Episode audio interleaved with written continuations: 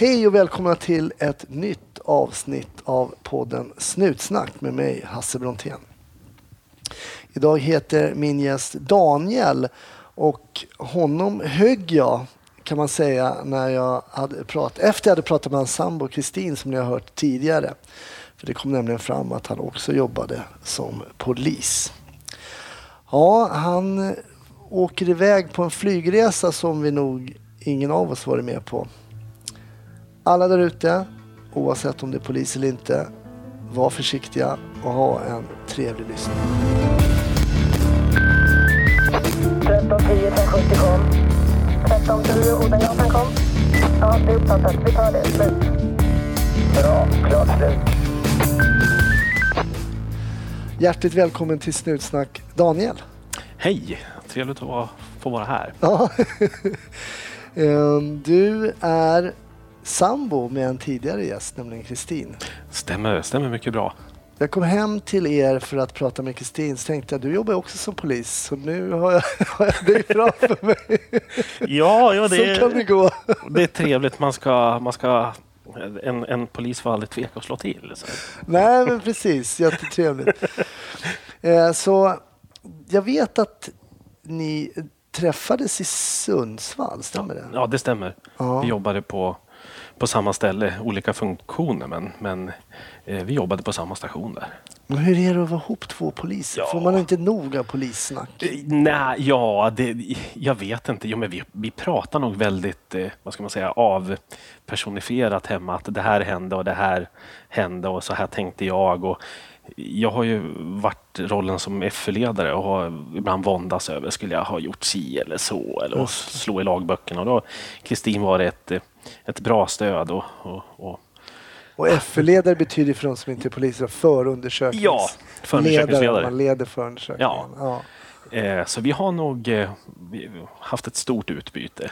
Men jag kan tänka mig faktiskt också, jag raljerade lite där, men jag kan tänka mig också att det är en väldig fördel att eh, kanske ha en sambo som är polis för att vad man kan gå igenom och hur man kan reagera och så vidare. Ja, men det, du har helt rätt där. Och det är ju det där, man behöver inte förklara att jag, jag kommer inte hem till jobbet. Nej. Ah, eh, det kan ta tid. Eh, och det, är- det är allvarliga saker. Då vet jag. Liksom, och tassar någon in klockan sex på morgonen, då vet man att nu har det varit tufft. Sov, kom tillbaka sen. Eh, Det lilla du kan säga med beaktande av sekretess så gör det gärna liksom ungefär åt vilket håll för att man är ju intresserad. Men, Ja. men det underlättar ju. Det blir nog väldigt mycket prat. Men jag upplever det, det är bara positivt. För vi, vi förstår ju varandra. Mm. Har lite olika intressen inom det här yrket. Men Mm, men det kanske är väl så. Ja, ja, ja, ja. inte gör, vill, vill göra, så att ni så här, eh, konkurrerar om samma tjänster. nej, nej, nej, nej, där. nej, nej, nej, nej. Vi har helt olika, för olika intressen och områden. För vad, vad, vad jobbar du med idag? Idag är jag stationsbefäl på gränspolisen på Arlanda sedan Okej. en tid tillbaka. Och vad är gränspolisen satt att göra? Gränspolisen överlag är ju satt att göra egentligen tre saker i Sverige. Det är ju att kontrollera yttre gräns, ha hand om verkställigheter, alltså sådana som har fått eh, klara beslut och ska verkställas. Mm. Och det är polisens roll i första hand att sköta sina egna verkställigheter, sina egna avvisningsbeslut, men även sådana som Migrationsverket inte kan få verkställda på grund av att tvång måste behövas. Där är ju gränspolisen inblandad. Sen har gränspolisen också eh, den inre utlänningskontrollen, en, en stor del. Och, och i vissa, ja, som i Stockholmsregionen så har man ju spanenheter också. Mm. Spana mot eh, ja, men, illegal arbetskraft eh, och, och, och med mera, med mera. Mm. Men egentligen inre utlänningskontroll, verkställigheter och yttre gräns som gränspolisen i Sverige eh, sköter. Det här är jätteintressant för det här är ju någonting som som inte pratas så mycket om när det gäller polisarbete om man läser tidningarna och sånt där utan kanske mer i, i politiken just nu man pratar om avvisningar och sånt. Men om vi backar bandet. Nu har du precis förklarat för mig då vad gränspolisen är satt att göra. Men om vi backar bandet till innan du började jobba som polis. Hade Ja. du kunnat föreställa dig att du skulle sitta och prata om eh, sånt här? Aldrig, aldrig. Jag, eh, jag, jag minns, jag försöker tänka tillbaka. Eh, under polisutbildningen så var det ju väldigt lite om sånt här och jag kommer ihåg man läste lite utlänningslag. Jag fattade ingenting. Innan eh, i mitt tidigare liv, då var ju då var det ju väldigt, det jag minns, jag, jag är musiker och musiklärare sedan innan och, och, det kan jag nog påstå med, med årsperspektiv att den falangen kanske hade en syn på, på det här att, och, och som jag också tyckte. Jag, jag, tyckte nog att att eh, ja, men det här var, man läste rubriker om att flyktingar utvisas, flyktingar låses in. Och jag levde också med den föreställningen tills jag började inom gränspolisen. Mm. Idag vet jag ju att en flykting aldrig utvisas utan det är en konventionsstatus och då får du uppehållstillstånd. Mm. Det vi har lärt oss med åren tycker jag och det är där jag tycker media ändå har varit bra, det är att undervisa folket att eh, vad är vad? Mm. Vad är en flykting? Och mycket har ju blossat upp sedan 2015 med nomenklaturan. Vem är skyddsbehövande? Vem är flykting? Vad är ett förvar? Eh, vem utvisas? Vem verkställs? Vad gör Migrationsverket? Vad gör polisen? Allt sånt där tycker jag har blivit tydligare. För när jag började inom gränspolisen då var man ju paria i stort sett. Just det. Det var jätte, jättesvårt och de som jobbade innan sa att det här är varför vill du hit i stort sett? Varför? Jag började i Sundsvall. Är du, alltså det här är ju det är ingen framtid. Idag är det en framtid. Och vi är stolta över vår uppgift. Som jag tycker också allmänheten börjar förstå att vi är inga onda eh, Geheimer Staatspolizei som kommer tidigt om morgonen. Nu citerar jag en, en, artikel för många år sedan i en landsortstidning som faktiskt använde ja. det avskyvärda epitetet på oss. Som jag än idag blir så förbenad på. Hur man jämställer det. oss med Ja, det låter det... helt bisarrt. Men jag tänkte jag skulle backa bandet lite grann för det säger någonting spännande här och vi ska komma tillbaks till ditt, eh, till ditt jobb på Arlanda.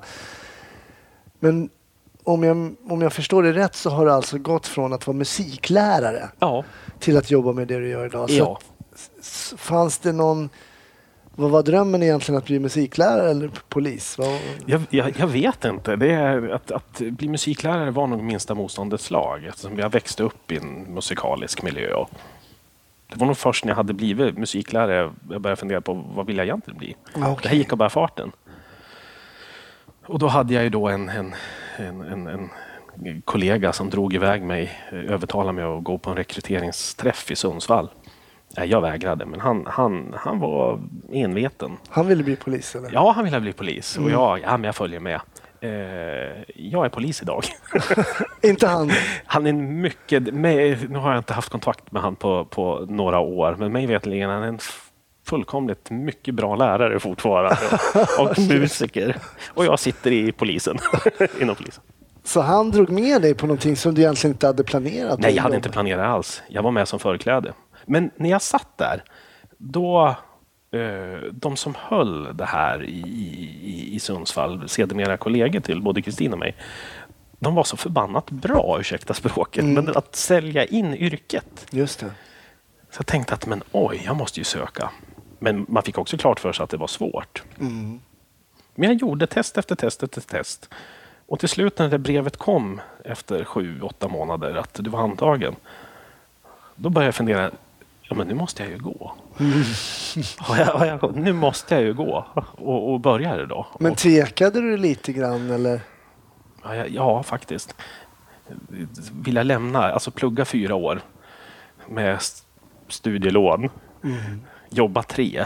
Mm. Eh, jag tror min omgivning sa det är väldigt dålig utdelning Daniel.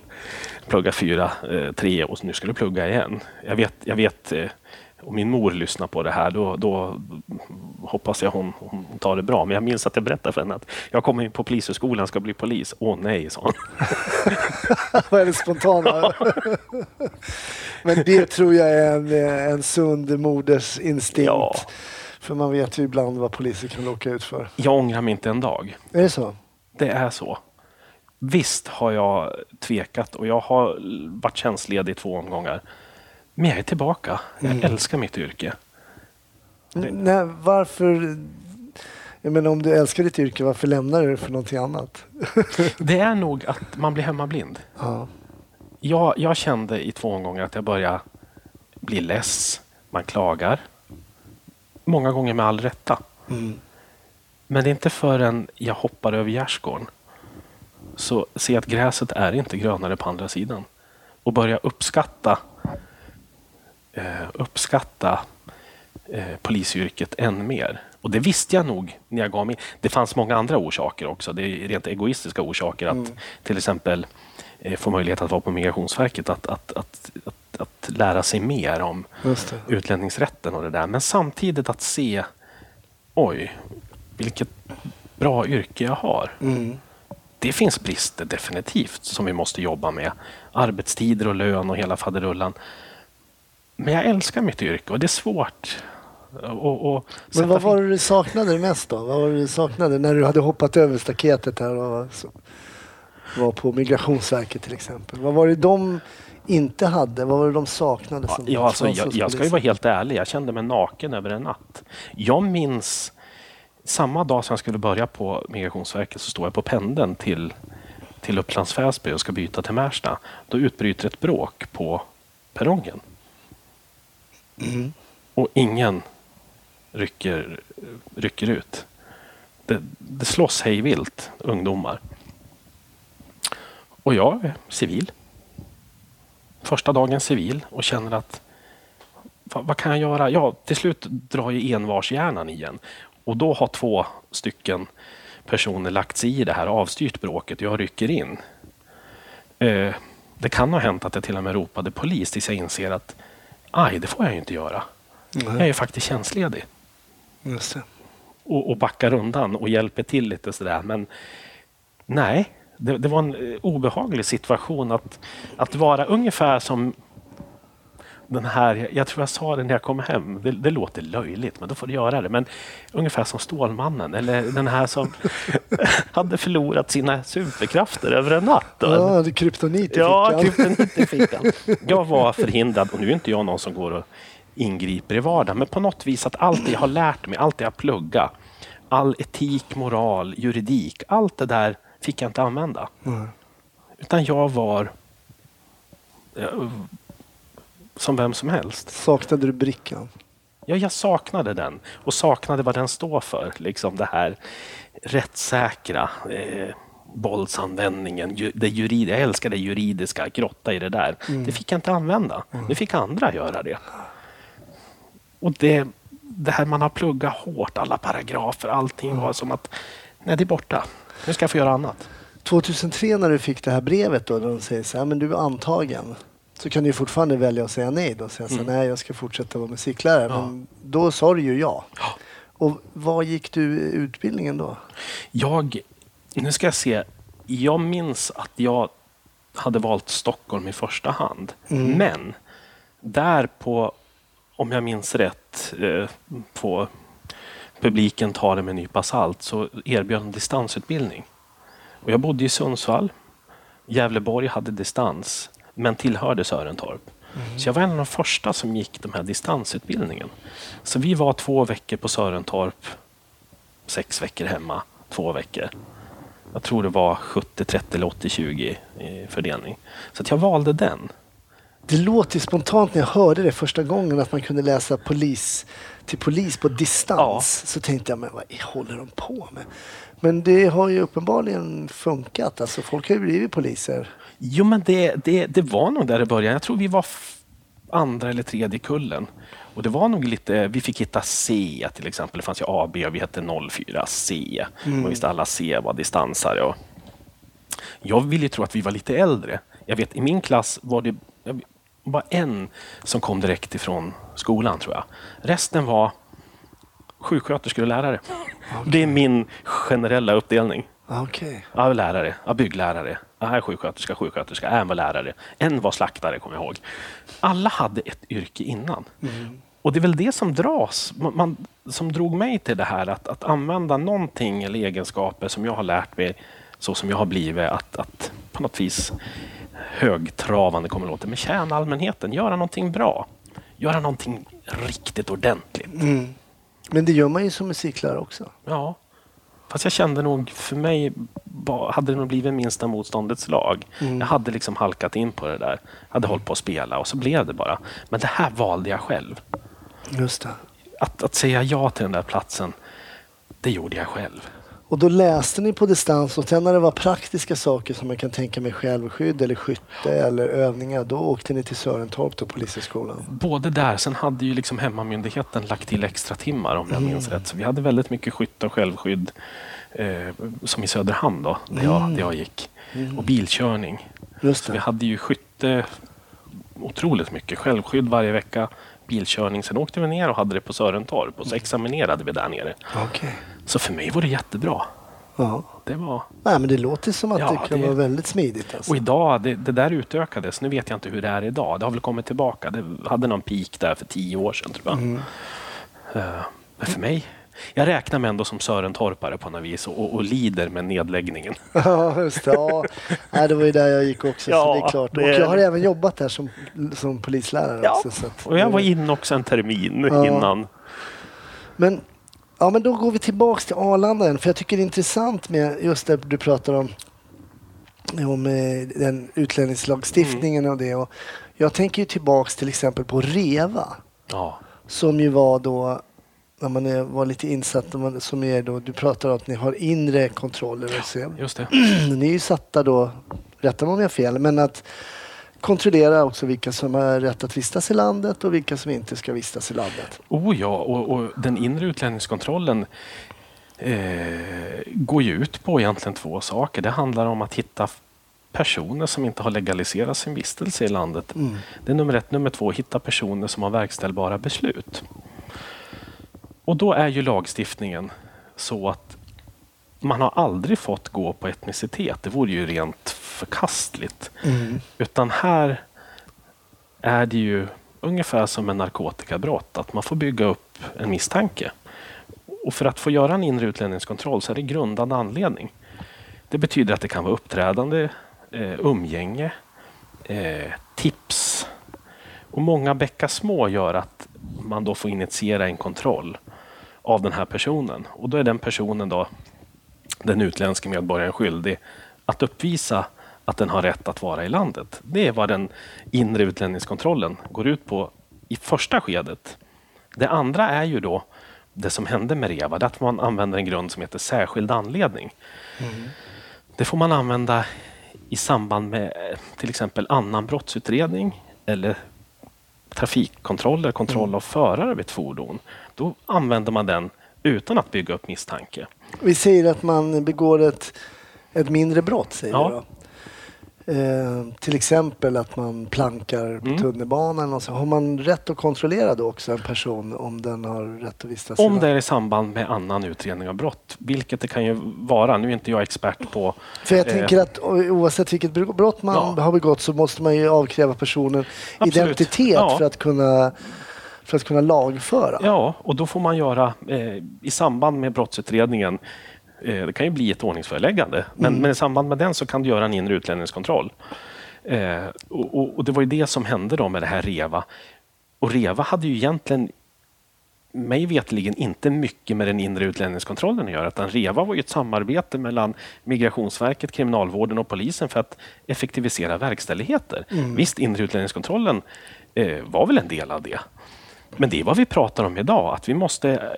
Alla som får ja, de ska få stanna och vi, vi ska ha bra eh, strukturer för det. Men alla som får nej, de ska ju förpassas ut riket så fort som möjligt och inte bli kvar. Det blir aldrig bra, bra för, i slutändan och man pratar om det skuggsamhället med mera, med mera. Precis. Ja. Men, eh, men själva REVA var ju att effektivisera då verkställigheterna. För jag tycker att för mig så tycker inte jag att man fick ut, för det framstod ju mer när man läste tidningar och sånt att REVA var att polisen sprang omkring och jagade folk med, som såg Ja. ut att ha utländsk bakgrund och försökte kasta ut dem i Sverige. Ja. Att det var, och, men så var det ju inte. Det, och jag, läste, jag läste någon, det var inte för så länge sedan, om det var någon politiker, och det här borde jag naturligtvis veta källa på eftersom jag påstår någonting, men just det där att man var inte bra då 2013 på att få stöd. Polisen stod ensam. Och politikerna visste inte hur man skulle förhålla sig. Idag hade det nog varit eh, en annan sak att polisen gör, eh, jobbar under lagar, förordningar och föreskrifter.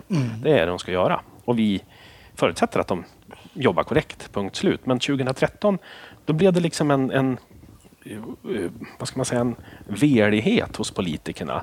Och det fick ju polisen lite ur balans. Och polisen skulle kunna svara bättre att vi gör så här, det har det här syftet, det har stöd i den, i den här lagen som är beslutad av riksdag. Och, och vi, vi går inte alls på hudfärg, språk, nationalitet, utan vi, vi har de här grunderna.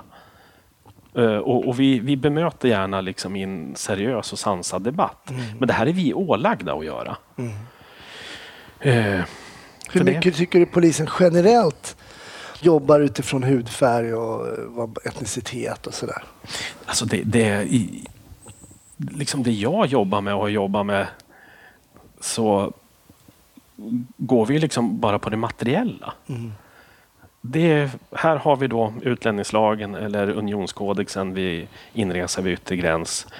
Din historia, dina handlingar kontra det. Det, det är liksom mm.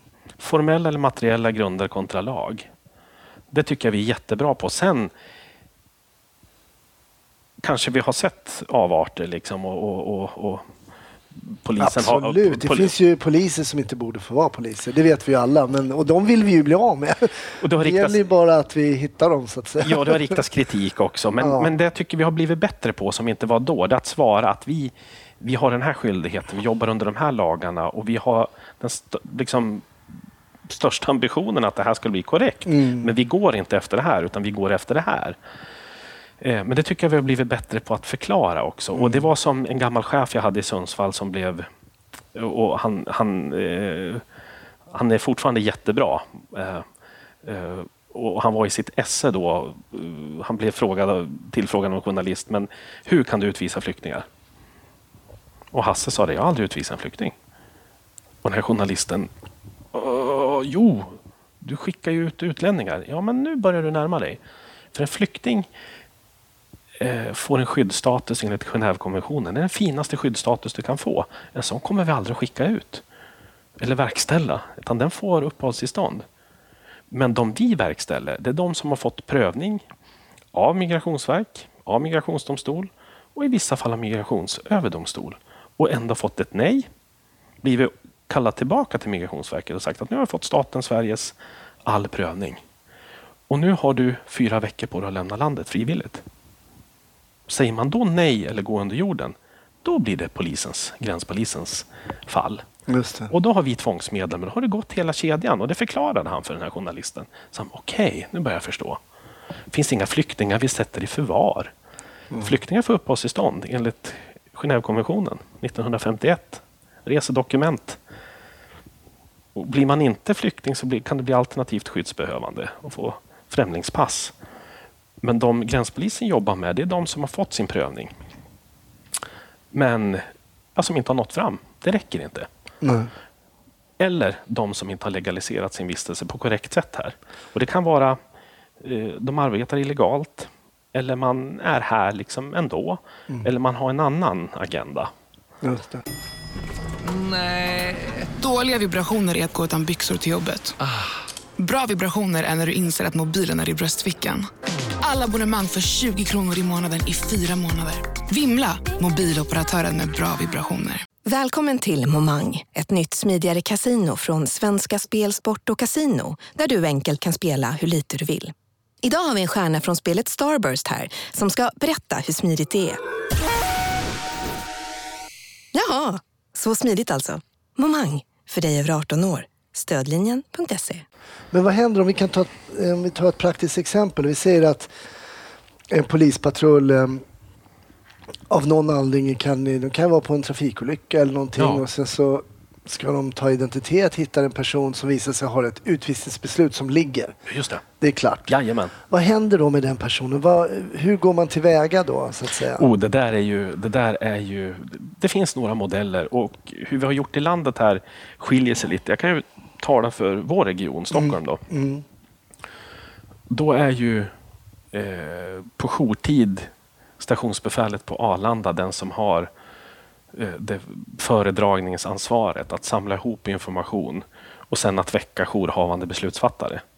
Är det polischef i det här fallet? Då? Eh, nej, i, i, Stockholm är det ett, eh, är ett gäng eh, poliser och jurister som jobbar i dagtid inne på Kungsholmen och så sen har de beredskap.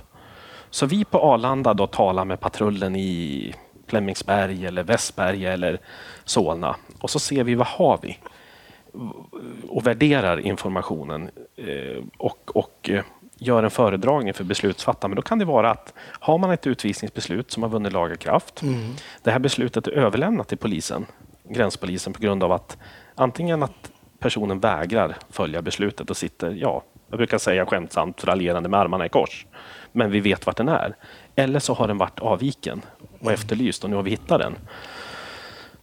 Ofta så omhändertar man den personen då enligt PL11. Eh, Polislagen. Ja, då. polislagen. Och så ringer man stationsbefälet på Arlanda och berättar att vi har den här och den här. Den, kan, den har inget pass. Eh, behöver en visum? Ja, det är... Man kan ta en viserings, ett viseringspliktigt land, en iransk medborgare. Den eh, ska ha visum, den har inget visum. Eh, då är det ju en avvisningsgrund. Eh, och kan också vara en förvarsgrund, att den faktiskt ska hållas inlåst till dess att eh, beslutet ska verkställas. Eftersom man annars då misstänker eller antar att per- personen kommer att gömma sig i landet. Det, det, så kan det vara. Och, och i, I det första fallet som du berättade, där, då finns det ju ett beslut. Så då ser vi, finns det en avvikande risk? Migrationsverket har fattat sitt beslut. Vi ser, finns det en avvikande risk eh, för ett förvar? Och så värderar vi det och anser vi att det finns där, då väcker vi eh, jourhavande beslutsfattare. Och nu talar jag om jourtid. Är det en, vad ska man säga, nyupptäckt som inte har legaliserat sin vistelse? Finns, in, finns inte någonstans, men har inte något visum, kanske inte en giltig handling. Eh, ja, då får vi börja då fundera på eh, ett verks- att, att avvisa den här personen. Så i det första fallet, då får vi ett serverat beslut av Migrationsverket. I det andra fallet, då får vi själv eh, fatta avvisningsbeslutet och sen eventuellt förvarsbeslutet. Så då sitter vi idag, jag och mina glada kollegor, med utlänningslagen och praxis och eh, ser finns det grund. Och, och eh, eh, vi vill ju naturligtvis inte att någon ska vara frihetsberövad en minut längre än behövligt. Det ska inte en person vara. Samtidigt så ska vi ju liksom inte släppa någon som det finns grund för heller. Nej. Eh, men vi har några timmar på oss Mm. och, och sammanställa och så väcker vi beslutsfattaren. Men som stationsbefäl på Arlanda så, så har jag också mandat att, att vid yttre gräns neka folk inresa och avvisa. Om man inte så att man inte ens släpper in dem i landet? Ja, att att man inte uppfyller inresevillkoren. Till exempel om du kommer från Kiev eller Peking eh, utan medel för din planerade vistelse eller Just det, en sån klassiker Ja, som ja. man själv har när man måste åka till vissa Ja. länder. Så att ett, på Arlanda har vi då föredragningar från hela regionen. Man påträffar vid inre utlänningskontroll. Sen har vi också yttre gräns, det som sker när flighterna kommer in. Mm. Och så har vi viss efterledning också vid brott som sker på Arlanda. Så det är en polisiär fantastisk plats. Men vad händer? flygplatser, ja, men man kan ha, ja men det finns någonting fantastiskt Ja. med flygplatser. Folk är liksom verkligen på väg hem eller på väg långt bort, väldigt långt bort. Ja. Men jag tänker, du, du berättade att någon, någon kommer då med ett flyg någonstans Mm. ifrån eh, och man ja, kollar pass och så. Sen har du pengarna. Mm. Kan inte, tar man den personen åt sidan och håller ett kort förhör då? Ja, lite, i, i, i stort sett. eh, Där man kommer ju till first line som man säger. Det är passkontrollanterna, gränskontrolltjänstemännen. Just det. Får de, vad ska man säga, känningar om att det här det, det är något som inte stämmer. Då får personen sätta sig ner åt sidan. Och så kommer second line, våra eminenta utredare. Och så tar man personen avsides, oftast till ett, eh, ja, till ett eh, förhörsrum. Och det kan personen hållas några timmar där man utreder då, eh, om den uppfyller inresevillkoren. För jag har sett det här Border, Ja. Border Police Australia. Jajamän. Och jag, brukar, och jag brukar säga att Det är eh, precis så. Ja, nästintill i alla fall. Vi har, vi, vi har ingen fruktkontroll. Men, Nej, precis. eh, men, nej, men det påminner lite grann faktiskt. Och vi, vi, vi förhör personen, intervjuar personen om eh, intentionerna. Alltså, oftast är det ju ett syfte. Man har pass, man har visum, man har pengar. Men sen är det syftet också. Eh, Så man kan ryka på syftet Ja, också? man kan ryka på syftet och det har vi stöd då i jag brukar säga när, jag, när man pratar om det här, den federala lagstiftningen. Vi har ju EU-förordningar idag och då har vi ju en EU-kodex, en unionskodex, gränskodex som gäller för hela Schengenområdet. Samma kodex i Madrid, eh, i Berlin som på Arlanda, att du ska uppfylla vissa inresevillkor. Och syftet är en sån bit. Till exempel att jag ska, jag ska turista i Sverige. Men du har, hur länge? Ja men tre veckor. Okej, tre veckor. Men du har packning, ingen packning. Nej, ingen packning. Och så sen kan man förhöra djupare och, och, och arbete. Har du arbete? Nej, jag har inte arbete. Och så kanske vi upptäcker att den här kan ju finnas i nämnd i, i att, att den har betalat skatt i Sverige. Aha. Och då kan man ju då ställa sig frågan, det är det korrekta syftet turism eller jobb? Och har du arbetstillstånd? Nej. Då kan man ju falla på ett syfte enligt unionskodexen och inte få passera yttre gräns. Och då nekar man inresa och avvisar dem. Och då får de ta vändande flyg. Ja, närmaste flyg tillbaka. Och då hålls man då vid gränslinjen. Man släpps inte över. Man får, man, man får vänta i transit. Så du är inte frihetsberövad, men du får inte resa in över Schengengräns, utan du får vänta i transit och sen leder, leder vi tillbaks dem till, till flyget. Rent det här är en jättekorkad fråga kanske, men hur blir det då med biljetten här? Om de har redan, är det svenska staten som... Ja, eh, så kan det vara. Eh, och, och när det är syfte, då, då, eh, då har vi inte något stöd idag att, att lasta flygbolagen Nej. generellt. Eh, men tar flygbolagen hit folk utan vad ska man säga, giltigt tillstånd, då kan man ett bli ålagd att ja, men naturligtvis bekosta återresan. Men sen finns det också något som heter eh, special fee. Att de får alltså vite, flygbolagen. Och eh, det är upp till 46 000 kronor per person. Att man faktiskt har tagit hit till Schengenområdet någon som inte har Att de inte har gjort sin kontroll så Ja, att säga. och checkat in någon som kanske inte har giltigt visum. Just det. Men när vi bedömer syfte så, så har ju flygbolagen svårt att bedöma det. Utan det är ju då vid gränslinjen, utredarna. som- Ja, jag förstår, den kan vara svår för dem. Ja. Och då kommer man till mig och har en föredragning. Att, att vi har fått fram det här under intervjun. Och, eh, och föredragande då, det är ju två, tvåpartsbeslut här. Föredragande har en, har en aning om vad den vill ha för beslut. Och- jag då ska ju vara juridiskt ansvarig. Och när jag skriver på beslutet, då är ansvaret mitt. Utredaren gör sitt jobb. Men fattar jag fel beslut, då är det mitt fel. Så ganska stora beslut Ja. att skriva under där ändå. Då. Oh ja, och, och, och absolut. Och man vill, vi ska ju inte hindra folk som har rätt. Nej, vi ska ju nej, göra nej, folk som, eh, alltså hindra, alltså neka folk som inte har. Men det där är ju en, ja, det, det, det är stora bedömningar. Ja, jag förstår det. Intressant. Fortfarande lite krångligt i mitt huvud. men, eh, men intressant. Jag förstår att det är intressant på Ja. Arlanda av andra anledningar än att bara åka mot Thailand. Ja, ja, ja, ja, ja, ja, det är det. det, är det. Verkligen. Men jag har ju bett dig också tänka på en historia som, Mm. Som kanske har fastnat inuti dig. Oh ja, och, och den har med det här jobbet att göra. För innan jag började på Arlanda så var jag på NOA, på gränspolissektionen. Mm. Och det är på en, en eh, grupp som heter Ambassadsamordningen. Som i stort sett har till uppgift att ordna resehandlingar för verkställighetsresor. Det betyder att när regionerna vill ha ut en reshandling för någon person som ska verkställas, då skickar man en begäran till ambassadsamordningen. Ambassadsamordningen sen har kontakt med respektive ambassad. Just det.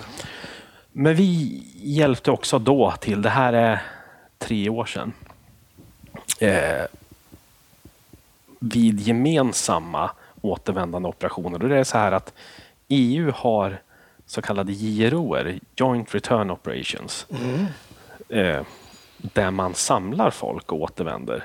Som ska till samma plats. Och har man inte det så finns det NROer, nationella återvändande operationer också.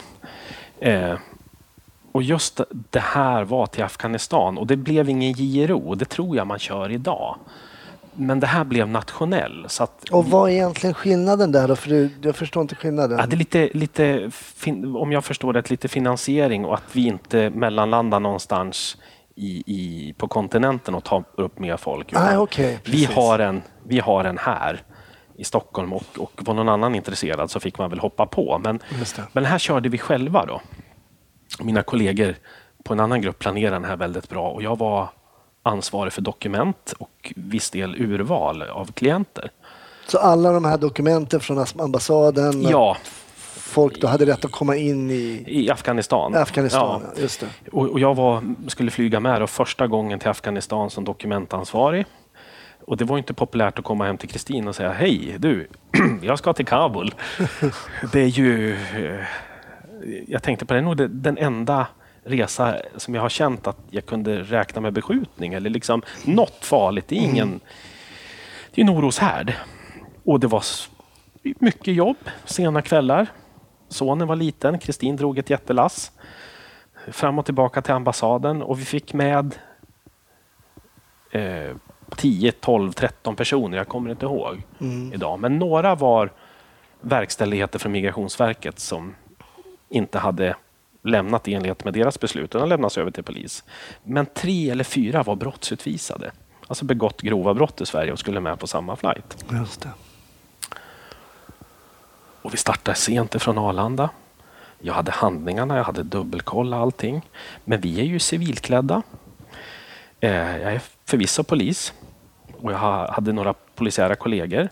Bevakningen skö, eh, sköts och sköttes av eh, kriminalvården. Mm. Jättestort eh, manskap som bevakade varje klient. Jag tror vi var 12 eller 13 den resan. Stiger upp över Asien. Eh, tidigt på morgonen. Hur är den här resan jämfört med när du har flugit liksom Ja. med familjen eller någonting? Vad, hur? ja, den är på helspänn. Ett, jag tänker, måtte jag inte glömma någonting. Och måtte det gå bra, måtte alla hålla sig lugna. Jag f- förstår att det är uppslitande. Och, och det var det också, men det var förhållandevis lugnt i kabinen. Solen går upp över Hindukush. Och så börjar ju Afghanistan torna upp sig tidigt på morgonen. Vi skulle landa vid sju. Och, och pulsen har ju varit igång i sju veckors tid och, och man går in för landning. Och man har ju sett filmer, eller man, jag har ju sett filmer, krigsfilmer från Afghanistan. Vi har väl sett Rambo, va? Man skjuter ifrån bergen och nu sitter jag själv vid inflygning på de här bergen. Liksom, jag tänker att måtte jag inte se en rökpuff, måtte det gå bra, måtte flygplanet hålla och så landar vi och får taxa en bra bit. Och nu tänker jag, nu är det bara att möta delegationen, jag och kollegorna, prata och, och överlämna en och en. Öppna och ingen var där. Är det tänkt att ni ska då lämna, möta upp en delegation som tar hand om och sen vända då direkt Mm. Så taxa fort ut som möjligt, så fort som möjligt. Okej. Men ingen är där? Nej, det kommer två afghanska poliser som undrar vilka vi är i stort sett. Och nu vet jag att allt har skötts via diplomatiska kanaler. De ska veta att vi är där. Det är kallt, det är sju afghansk tid. Jag sätter ner fötterna, fryser lite och nej, de har ingen aning. Och jag frågar med kollegor som har varit där, men det brukar vara, det brukar vara så här. Det ordnar sig. Efter säkert en och en halv timmes väntan så kommer en delegation. Och det blir lite, tolken eh, pratar, det blir ordväxling, lite missförstånd. Eh, men okej, vi ska få ta ut en och en. Jag ska få visa dokumenten. Och, och I de här fallen kan det bli förhandling också. De behöver ju inte acceptera. Eh, Jag hade inte bara pass med mig från ambassaden utan vissa fick man inte pass på utan de, de hade kanske ett, ett gammalt körkort eller Just det. men det Migrationsverket hade bedömt att de är från Afghanistan, beslutet är. Men här då ska jag då förhandla med hjälp av tolk och, och vara beredd. Just det. Men det gick bra. Och de körde fram en buss. Och jag tror vi hade tagit ut den tredje personen som vägrar, sätter sig ner. Och eh, Är det en av de som är utvisade på grund av brott eller Ja. är det en av de som... Nej, jag tror att det, det är en, en, en som ska verkställas med Migrationsverkets beslut. Mm. Men jag tror, vill minnas att någon av de brottsutvisade redan var uttagen och satt i bussen som inte var låst. Dörrarna var öppen. Och eh, Kriminalvården får klartecken så som jag uppfattar det, här är ju från min, min aspekt, jag står, jag står på plattan, att bära ner honom. Och de gör det så professionellt, men då är det någon i den afghanska delegationen som jag sen får reda på är från inrikesministeriet, eller eh, migrationsministeriet någonting, som, som blir tvärförbannad och börjar vifta med armarna. Vilket gör att alla kommer igång. Folk börjar trycka på utifrån planet och så som jag minns det rusar man utifrån bussen och plötsligt är det bara kalabalik där på plattan. Oj. Eh, en lägger sig, drar av sig tröjan, skjortan lägger sig och börjar slå under planet. Afghanska polisen som då är tre, fyra till antalet eh, står helt panikslagen. Folk börjar jaga kriminalvårdare och slå. Jag vet att tolken får fly. Hals över huvud eh, och, och freda sig. En drar av sig tröjan och gör en tjurrusning mot mig. Jag står alltså med 13 dokument och dokumentväska. Jag tänkte att den får inte tappas. Det tyckte du var det viktigaste Ja, jag tänkte det. Och vad har man lärt sig? Bågspännare. Så att jag gör mig beredd. Och då viker han av, för då ser han någon annan han börjar slå. Fullständigt kalabalik och så eh, ropar någon från kriminalvården att vi måste hålla flyget. Och då blir det ungefär som man har sett Secret Service. Radar upp sig eh, och försöker liksom att, så att de inte kan rusa ombord igen. Jag ser kabinpersonalen och piloten låser in sig i cockpiten. Man gör tjurrusningar. Jag står någonstans i bakgrunden. Kriminalvården och, och andra kollegor motar. Det är fullkomligt slagsmål. Det där håller på i 20-30 minuter. Oj. Och någonstans där känner jag att jag är livrädd. Jag är fullkomligt livrädd. Fast jag fungerar. Men eh, det här händer inte. Jag har jobbat några år. Det här är alltså tre år sedan. 12, 11, 10. Jag hade jobbat nio år. Men det här är nog första gången jag är vettskrämd i polisyrket. Jag har ingen larmknapp. Jag har inget tjänstevapen. Jag har ingen pepparspray. Ingen batong. Ingen skyddsväst. Och kom- du är i, i Kabul på plattan tidigt en morgon. Och situationen är utom kontroll. Folk blir slagna, kriminalvårdare eh, har skador. Eh, och eh, det ligger folk och slår på planet. Folk har rivit av sig skjortan och skriker och vrålar. Och kommer ett vapenlös nu. Jag kunde se ett vapen på en afghansk polis. Då är det kört. Då blir det skjuta av. Alla liksom är tilltufsade som står där nere. Och som jag sa, kock, alltså, kabinpersonalen och piloten hade ja, steg, låst in sig. Och det här böljar fram och tillbaka. De försöker ta sig upp för trappan, motas tillbaka. Och folk skriker. Det är som ett slagfält. Någon ifrån kriminalvården försöker liksom samla trupperna igen. Liksom, att vi måste hålla, ingen får gå ombord. Och alla var ute då? Ja, och det var 13 personer som var... Men någon, som sagt, fick ju, slog på planet och vi vi visste ju inte hu- hur mycket de hade liksom, med vilka tillhyggen. Det låg armeringsjärn i ett hörn där och cement och, och sådär. Men efter en evighet som man, som man känner, det kanske tog 20-30 minuter av slagsmål, så kommer det mer afghanska poliser och, och bringar ordning Okej. och tar med sig allihopa. In i den här bussen? Ja, då, och eller? åker iväg. Och sen var det klart. Då min- står ni... Är ni svensk personal där och med andan i halsen? Ja, andan i halsen. Och jag minns inte vad mina dokument blev av. Jag tror att de gavs till någon som sen gavs till någon afghansk polis och så åkte de. Och där står vi tilltufsade. Eh, piloten kommer ut och han måste ju tanka. Just det. Så vi måste ju åka i en buss och ställa oss en bit. är Det dödstyst. Folk har blessyrer och håret på ändan. Och, och liksom, hur gick det bra för dig? Gick det bra? Är det någon som är... Var det någon mer som såg han som låg under flyget? Och jag bara, ja. Hur länge låg han? Kapten ville ha reda på. Ja, just det. Eh, är det någon som har sett något tillhyggen in i motorerna? Eller liksom, nej, Nej, för kapten måste titta, men vi måste ju lyfta. Och vi går ombord igen och eh, lyfter dem mot, mot sypen då. Och det är dödstyst i planet. Och jag minns en kriminalvårdare som jag hade åkt med några år tidigare på verkställighetsresor. För detta, han hade spelat hockey stor. Han kom raglande och så ställer sig och tittar på mig. Daniel, va? Ja. Det är det jävligaste som har hänt. Det är det jävligaste. Och mumlade och så gick han längre bak i kabinen. Många liksom, det var helt tyst. Och så landade vi på Larnaca. Och då var det ju debriefing. Eh, Och kriminalvården var ju fantastisk. Man säga. De hade flugit ner folk ifrån Jaha. Stockholm. Oj. Och stor tvingande debriefing, alla, ja, men som vi är vana inom polisen. Vad kände du? Och folk bröt ihop. Det visade sig att jag hade ju sett en bråkdel. Jag skyddade ju dokumenten. Men folk hade ju fått rejält med stryk va? och var livrädd för att vapen skulle ha, Ja, såklart. eh, ha kommit lös. Får hoppas att det inte var några repor på de där dokumenten sen då. Ja, det vi jag tänkte på vid starten, hoppas ingen cement i motorn eller något armeringsjärn eller någonting. Men jag minns, jag kommer in på hotellrummet, jag stoppar in någon så här turkisk konfekt i munnen. Och tänkte jag måste ringa Kristin. Och då är det så att man kommer tillbaka till verkligheten. Liksom ont i kroppen, lite stressad fortfarande. Och så, ja Kristin, hej det är Dan. Äh, men jag kan inte prata, jag, eh, jag står på en trafikkontroll i Tierp. Är det något allvarligt? Ja, äh, men vi hörs sen. Klick. ja, men okej. Det... Och så sen berättar för Kristina, och bara, oj.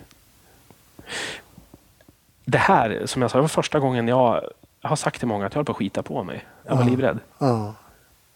Och jag sa, det är ingen mening att spela stursk. Jag var helt, helt, eh, inte paralyserad, men jag tänkte att jag dör snart. Snart kommer ett vapen lös.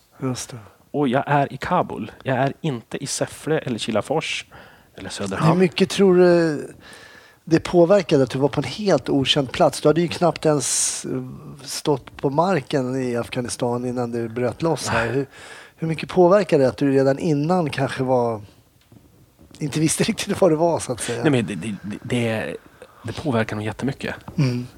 Just det där att man lever, eh, det är, det är mycket förarbete. Mm. Det är mycket media. Det är kontroversiellt. Mm. Vi ska vara humana och det är vi jättebra på. Det tycker jag vi ska vara stolta över. Vi gör svåra situationer på det bästa möjliga sätt. Mm. Men sju veckors förberedelse, en liten son hemma och just det där det är tillräckligt svårt att, att, att lämna familjen liksom ibland och åka inom landet. Men Mm. ursäkta mitt språk, fan i mig, har jag, vad, alltså jag älskar mitt yrke men vad, vad, vad har jag utsatt dem för? Visst, jag kan döva, men de blir kvar hemma. Och, och har jag nu liksom signat upp mig för att åka till det här stället med de här dokumenten liksom och, och hamna i slagsmål på plattan i Kabul utan hjälpmedel eller jag sa det, vad var larmknappen? Mm. Saknade den? Ja, jag saknade det, men eh, goda eh, kollegor inom både polisen och kriminalvården, vi gjorde det bästa vi kunde. Mm. Men det är det närmaste krig jag har kommit och närmaste liksom, nära döden-upplevelse. Att känna att kommer ett vapen lös? Nej. Kommer flyget att hålla när vi lättar härifrån? Vad har hänt med det? För folk låg ju under och vrålade och slog. Hur skönt var det när, när däcken tog mark på Arlanda? Då, när du... Ja, ja det var... Ja, ja, det var... Det är nog... Det, det, det, man går i vardagen och man, man, man gnäller och man irriterar sig på vissa saker. Man är trött och less. Men jag brukar ibland tänka tillbaka på hur skönt det var att komma hem. Att, ha- att ha den här lilla grabben eller, eller sambon som sa liksom skönt att ha det hemma. att... att eh, ja, Då vet man vad som är viktigt i Ja. livet. Jag åkte dit igen. Men då gick det bättre. Den historien ska vi, får vi lyssna på en annan gång. Eh, och jag antar att den inte är lika spännande än den här. Nej, det var... Nej. Eh, Du nämnde när ni åkte in mot eh, Afghanistan och du såg bergen där Mm. och du, hade, du tänkte lite på Rambo och film och sådär. Ja. Och, men om du lämnar den här verkligheten och, och, och vi pratar om polisfilmer. Vad säger du om det? Svenska polisfilmer till exempel. Kristin eh, nickar på, på nej, nej, jag klarar inte av det. Du klarar inte av Nej. svenska? Jag gör inte det. Varför inte då? då? Jag stör mig på formalian. eh, du är arresterad. Eller hämta in honom. Ta in honom. Ja, men man fattar Men sådana små grejer alltså? Som, Ja, jag stör mig. Jag stör mig och så sen har vi nu en betecknad farlig gärningsperson. Varför i hela friden går Gunvald Larsson först när han har piketen eller NI bakom sig? Det är också en sån här eh, hem till familjen, eller han kanske inte har familj Gunvald Larsson, men, men, men nej. Och var är F-ledarna? Eh, beslutsfattarna i Just det här? det, ja. Kommissarie Bäck, ja, ja, ja, men är du också F-ledare? Leder du den här? Det är väl en åklagare? va? Nej, men det, ja, det är så löjligt. Va? Men, Nej, men det är jätteroligt därför att eh, jag har också vänner som, eh, som tänker lite som du. Jag kan också släppa det för eh, underhållningens skull. Men visst så är det väl så att man märker att det är lite fel. Jag tror till och med, undrar om det är lagets namn när de slänger upp några verktyg och säger så här, Ja. sätt in han för förberedelse. För förbered- du får ta in han på inbrott." förberedelse. Ja, det får säga förberedelse. Ja. ja, det är klart. Då tycker man och vakthavande eller SB, liksom, han säger väl någonting i stil med jag vet inte vad åklagaren kommer att säga om det här. Ja, precis. Så ibland blir det såklart. Men om, vad, vad, om du måste kolla på något polis, polis, polisiärt i underhållningsväg, vad kollar du hellre på någonting utländskt då? Eller? Mm. Ja, det gör jag. Jag älskar ju, jag har alltid älskat Morse. Mm. Och börja Brittisk. kom, kom och gilla den här, vi har ju tittat, tittar jag på Kristin här, den unge kommissarie Morris Mm. också. För det är lite grann, det är, det är en annan tid, i alla fall den unge Morris, en annan tid, ett annat land, Mm. andra juridiska förutsättningar. Men även de med den äldre Morris, det är också ett annat land, andra juridiska förutsättningar. Jag kan ingenting om det anglosaxiska rättsväsendet, det kan vara hur som helst, så det är bara ett nöje.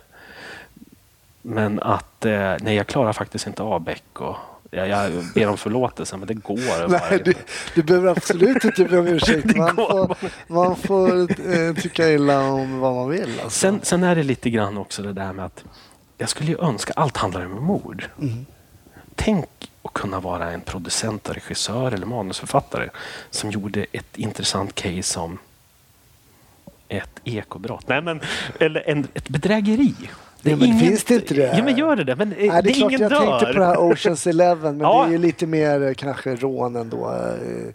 Men trissa upp det här bedrägeriet eller eh, den ringa stölden. Nej, det är för simpelt. Men, men någonting som inte har att man måste ha ihjäl någon. Ja, jag fattar. Det och göra det juridiskt korrekt men att det blir spännande och begripligt. Mm, Det längtar jag efter. Så om du lyssnar nu och jobbar som manusförfattare eller någonting så skriv en spännande deckare om eh, ett bedrägeri. Ja, ja, men vi, jag tackar Daniel för Ja, att jag fick hugga dig här Ja, när ja, kom ja, fram det är- att Kristin Sambo också var polis. Jag tänkte, då spelar jag väl in två avsnitt på raken. Det, det var bara kul. Det var roligt att få vara med och, och Stort tack. gästa ditt, ditt program. Tack.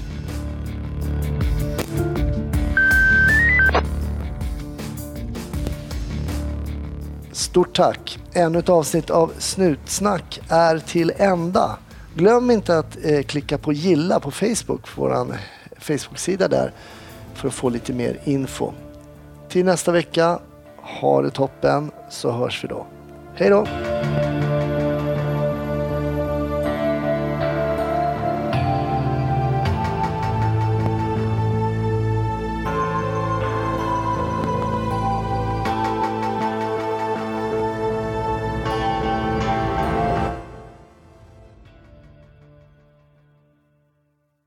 Välkommen till Momang, ett nytt smidigare casino från Svenska Spel, Sport och Casino där du enkelt kan spela hur lite du vill. Idag har vi Gonzo från spelet Gonzos Quest här som ska berätta hur smidigt det är. Sí, es muy excelente y muy rápido. Tack Gonzo! Momang, för dig över 18 år. Stödlinjen.se.